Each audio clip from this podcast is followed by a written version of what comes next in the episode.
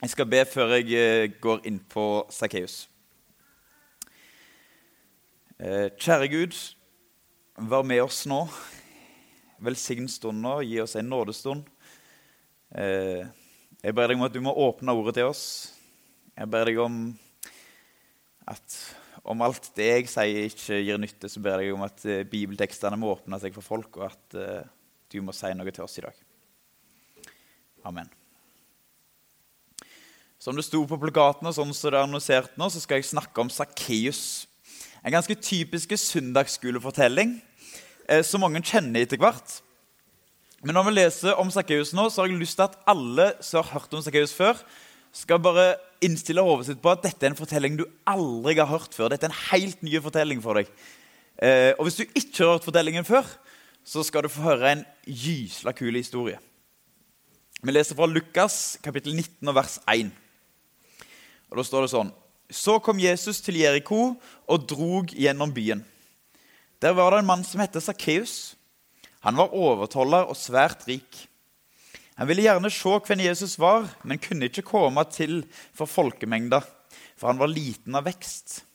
Derfor sprang han i førevegen og klatra opp i et morbærtre, så han kunne få se han, for der kom han til å gå forbi. Da Jesus kom dit, så han opp og sa til han, 'Sakkeus, skynd deg å komme ned, for i dag vil jeg ta inn i ditt hus.' Da skunda han seg ned og tok imot Jesus med glede.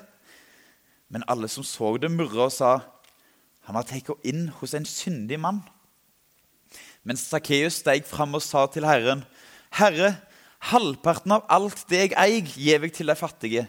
'Og har jeg truga penger for noen, gir jeg fire ganger så mye tilbake.' Da sa Jesus til ham, 'I dag er frelse kommet til dette huset.'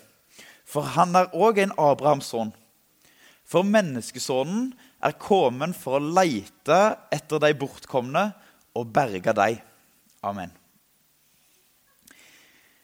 Jeg kommer til å snakke om tre punkt ut fra teksten i dag.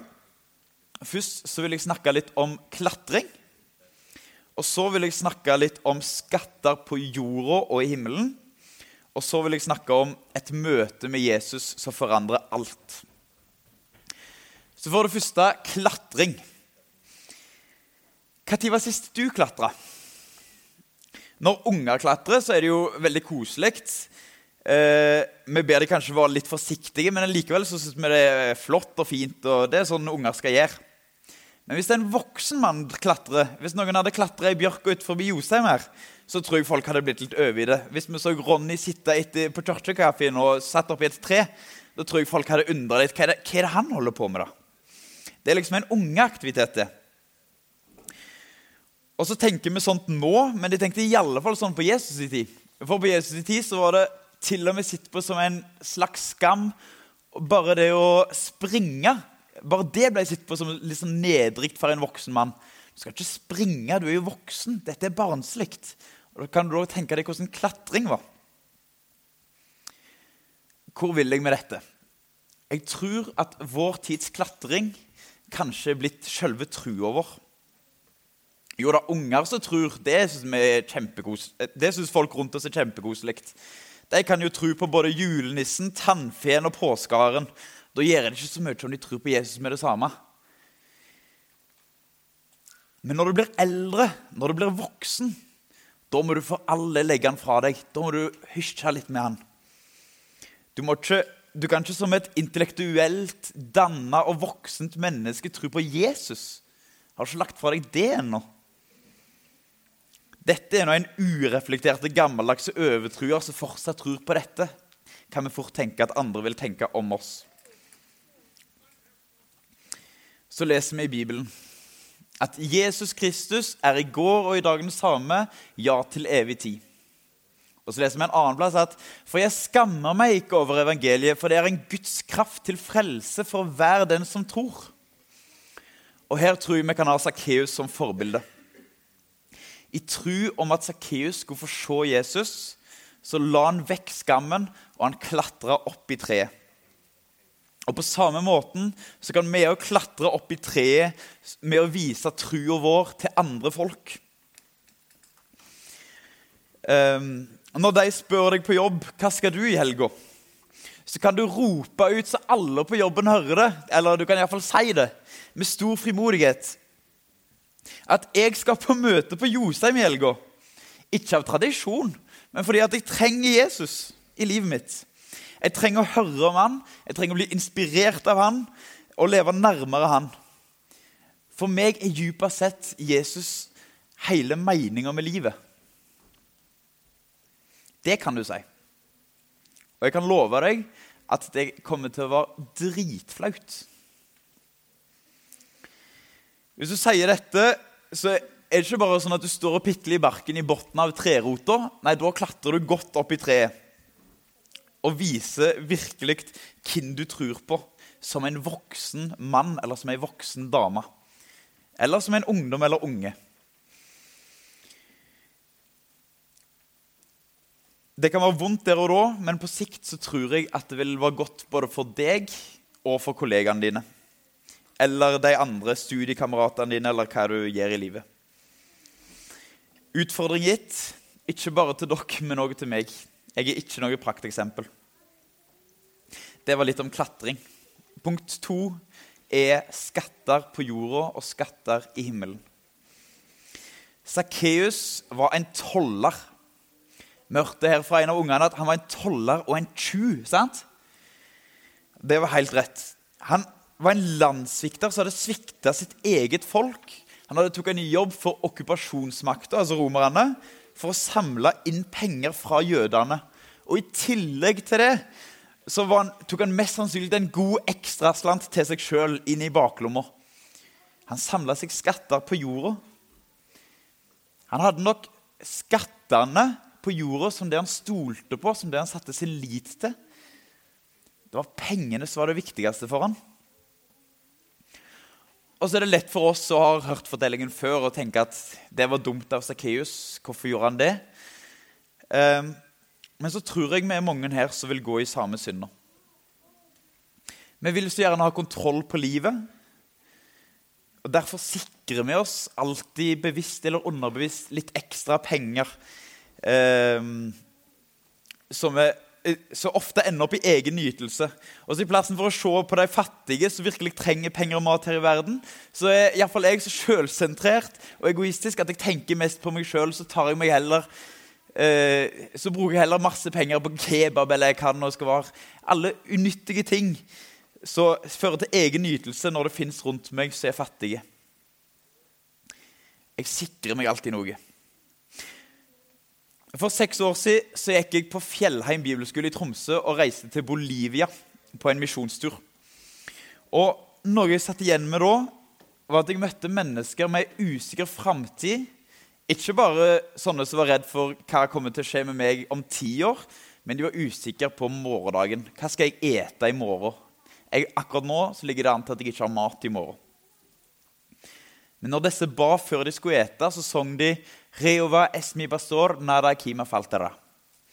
Og det betyr, det hørte vi også i åpninga så vidt, Herren er min hyrde, jeg mangler ingenting. De som tilsynelatende mangla en hel del, de ba denne bønnen. De hadde innstilling om at ok, her på jorda så mangler jeg tilsynelatende alt. Men Herren er min hyrde, så dypest sett mangler det meg ingenting. Og Vi kan lese resten av salmen òg for å få kjøtt på beina, For hele salmen er en sånn trøst i dette med um, vår jakt etter penger, skulle jeg si, eller vår jakt etter rikdom og trygghet. Så kan vi lese i salme av David, salme 23. Herren er min hyrding, jeg mangler ikke noe. Han let meg ligge i grønne enger. Han fører meg til vann der jeg finner hvile. Han gir meg nytt liv. Han leier meg på rettferd stiger for sitt navns skyld. Om jeg så går i dødsskuggens dal, er jeg ikke redd for noe vondt, for du er med meg. Din kjepp og din stav, de trøyster meg. Du duker bord for meg like framfor mine fiender. Du salver mitt hoved med olje, mitt beger renner over. Bare godleik og miskunn skal følge meg alle mine dager og jeg skal bo i Herrens hus gjennom alle tider. Om jeg så skulle vandre i dødsskyggens dal, så frykter jeg ikke for noe vondt, for du er med meg. Så vi skal ikke stole på pengene og våre materielle goder, men vi skal stole på Gud. Han skal være guden vår, vår tilflukt. Jesus sier noe om det samme i Matteus kapittel 6, fra vers 21. og Da kommer vi nærmere inne på dette med skatter på jorda og skatter i himmelen. Da sier Jesus, 'Samla deg ikke skatter på jorda, der møll og makk ødelegger og tjuver bryter seg inn og stjeler.' Men samla dere skatter i himmelen, der verken møll eller makk ødelegger og tjuver ikke bryter seg inn og stjeler. For der skatten din er, vil hjertet ditt òg være. Når en tenker over det, så gir det jo mening. Vil du ha en skatt som kan ruste, som kan bli ødelagt, som kan bli stjålet, som forgår? Eller vil du ha en skatt som varer evig? En som er evigvarende, en som aldri vil råtne. Det er et lett valg. Og så kan dette budskapet høres litt voldsomt ut for noen. Enda en ting vi må fokusere på. Enda en ting vi må gjøre, enda en ting vi ikke får til. Men så har jeg så lyst til at du skal tenke at dette er et budskap som du kan få hvile i. Du skal få slippe å streve. Du skal få slippe å jobbe med å skaffe deg mest penger. Du skal få slippe å jakte etter den mest lønnsomme eh, måten å leve på hele tida. For du vet at du allerede har en skatt i himmelen, og det er den viktigste. Jesus sier etterpå i Matteus-teksten fra vers 25 at derfor sier jeg dykk, vær ikke urolige for livet, hva det skal ete, hva det skal drikke, eller for kroppen, hva det skal kle dykk med. Er ikke livet mer verdt enn maten og kroppen mer enn klærne? Se på fuglene under himmelen. Ikke så de, ikke hauster de, ikke samler de i hus men far dykkar i himmelen før de likevel. Er ikke det mye mer, veir, mye mer enn deg? Hvem av dykk kan med all si uro legge en eneste alen til livslengda si? Og hvorfor er det urolige for klær? Se liljene på marka, hvordan de vokser. De strever ikke og spinner ikke. Men jeg sier dere, ikke engang Salomo i all sin herligdom var kledd som en av dem. Når Gud kler gresset så fint, det som vokser på marka i dag og blir kasta i ovnen i morgen, hvor mye mer skal han ikke da kle dykk? Det er lite truende. Derfor må det ikke være urolig å si hva skal vi ete, eller hva skal vi drikke, eller hva skal vi kle oss med? For alt dette er høydningene opptatt av. Men far dere i himmelen veit at det trenger alt dette. Søk først Guds rike og hans rettferd, så skal det få alt det andre i tillegg. Vær ikke urolige for morgendagen, for morgendagen skal uroe seg for sitt. Hver dag har nok med sin egen plage. Samla dere ikke skatter i himmelen, men samla dere, nei, samla dere ikke skatter på jorda, men samla dere skatter i himmelen. Var ikke bekymra for livet det er lettere sagt enn gjort. For fem år siden så begynte jeg å studere i Oslo. Eh, men etter bare tre måneder fant jeg ut at dette ikke var noe for meg. I hvert fall. Så jeg flytta hjem og ble plutselig litt arbeidsledig. Jeg tenkte at det skulle ikke være vanskelig å få seg jobb, fall, for det vet jeg jo at det fins mye av i Ølensvåg. Um, men så ble det verre enn planlagt. Jeg fikk meg stort sett bare ringevikarer. Uh, og jeg ble veldig usikker på framtida. Hvis jeg ikke klarte å ta utdanning, og jeg heller ikke klarte å få meg jobb, hva ville framtida mi bringe? Hvem var jeg? Og så var jeg nok på et ganske mørkt plan i livet, for jeg tenkte så mørkt at en realistisk tanke i livet mitt var at om ti år så kunne jeg nok sitte på gata og tigge. Det var min framtid. Det er fjernt å tenke på nå, men akkurat da så var det sånn at jeg ikke så noe lys for framtida. Hva skjer med min framtid? Og så har dere nok hørt mange som snakker om fortida.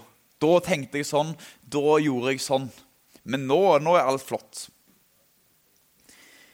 Men om vi skal være ærlige, så er dette noen tanker jeg fortsatt kan slite litt med. Hva skjer egentlig med framtida? Jeg tror ikke at jeg må tigge lenger, men vi lever jo i ei usikker tid der det blir flere og flere fattige i Norge. Vi ser matpriser stige, vi ser bensinpriser stige, strømpriser stige. Vi ser køene til Frelsesarmeen sin matutdeling bare vokse og vokse. Og ikke minst så ser vi på nyheten nå at vi har fått enda en hard krig som får store konsekvenser. Det er usikker tid. Livet kan føles stort, uforståelig og vanskelig og usikkert. Og så sier Jesus til oss i dag ikke vær bekymra for livet. Ikke vær bekymra for dagen i morgen. Jeg passer på deg. Jeg har kontroll. Jeg er historiens herre. Det er sånn som Gud sier til israelsfolket i Gammeltestamentet at eh, jeg vet hva for noen tanker jeg har med dere. Det er fredstanker, det er ikke ulykkestanker. Jeg vil gi dere framtid og håp. Framtid og håp. Det er Guds tanker for oss. Og Hvis du har lest teksten i Jeremia nøyere, så vil du se at eh, dette ble sagt i en tid når Israel var bortført til et annet land. Og det tok faktisk 70 år før de fikk komme tilbake til Israel igjen. Så det er ikke sånn at eh, det er helt sikkert at du kommer til å få en kjempefin dag i morgen at morgendagen blir helt perfekt. Vi lever jo fortsatt i en vond verden. Men Gud vil fortsatt gi oss framtid og håp.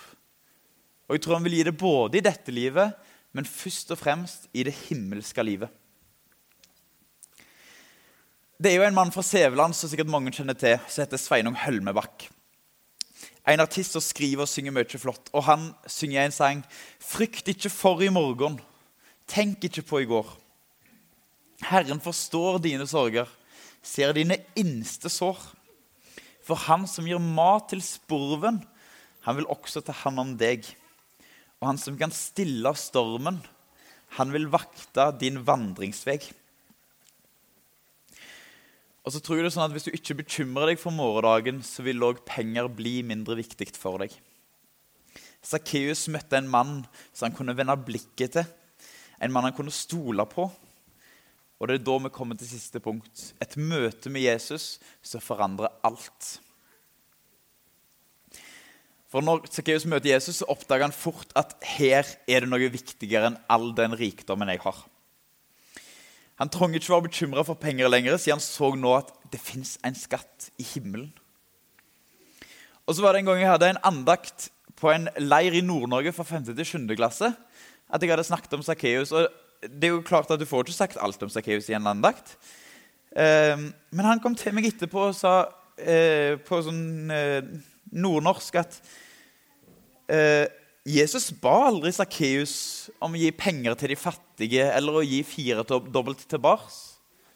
Sakkeus bare gjorde det. det. Jeg vet ikke om han hadde hørt det fra heimen sin eller hvor han hadde det fra. Men jeg synes det var veldig godt sagt av en femteklassing. Når, Jesus møtte, møtte Jesus, ble alt det andre uviktig. Det var en naturlig konsekvens. At dette betyr ikke noe lenger. Jeg skal gi det tilbake. Dette er ikke livet mitt lenger. Jeg har fått et nytt liv.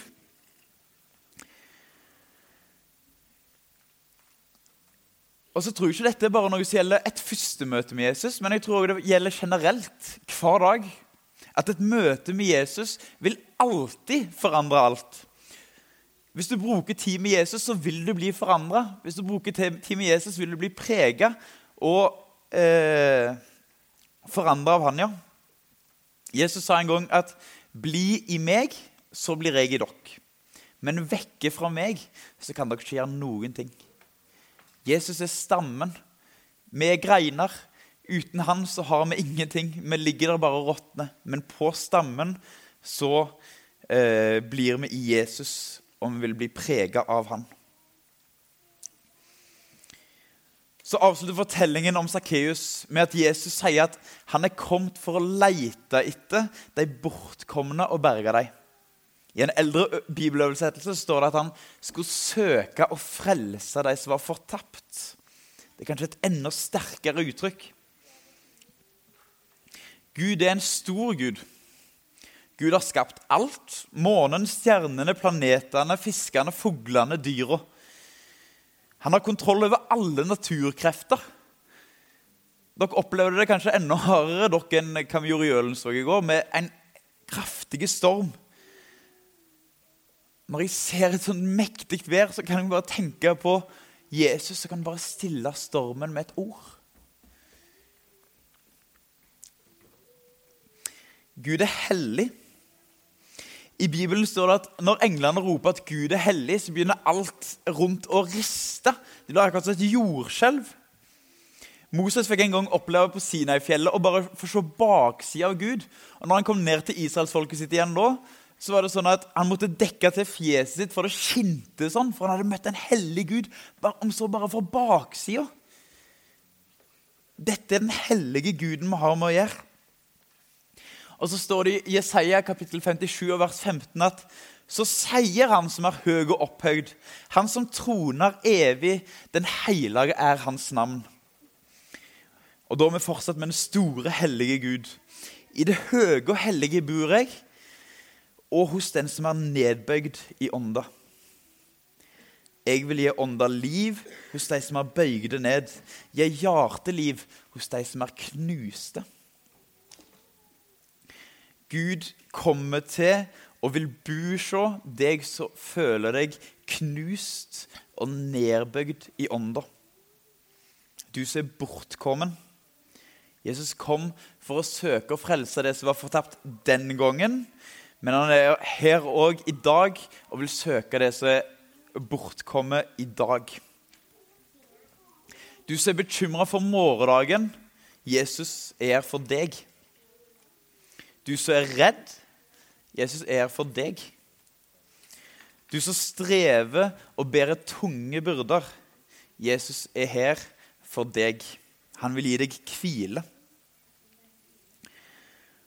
Og du som er bortkommen og føler at det kan ikke være noen vei tilbake for meg. Du kan aldri gå så langt vekk fra Jesus at det ikke er nåde igjen. Jesus har dødd for deg. Han tok straffer for det du gjorde i fjor, i sommer, i går, i dag og i morgen. I Isaiah kapittel 59 og vers 1 så leser vi «Sjå, Herrens hand er ikke for kort til å frelse, og øret er ikke for tungt til å høre. Gud vil møte deg sånn som møtte Sakkeus. Som den ene i flokken, sånn som Ronny sa. Amen.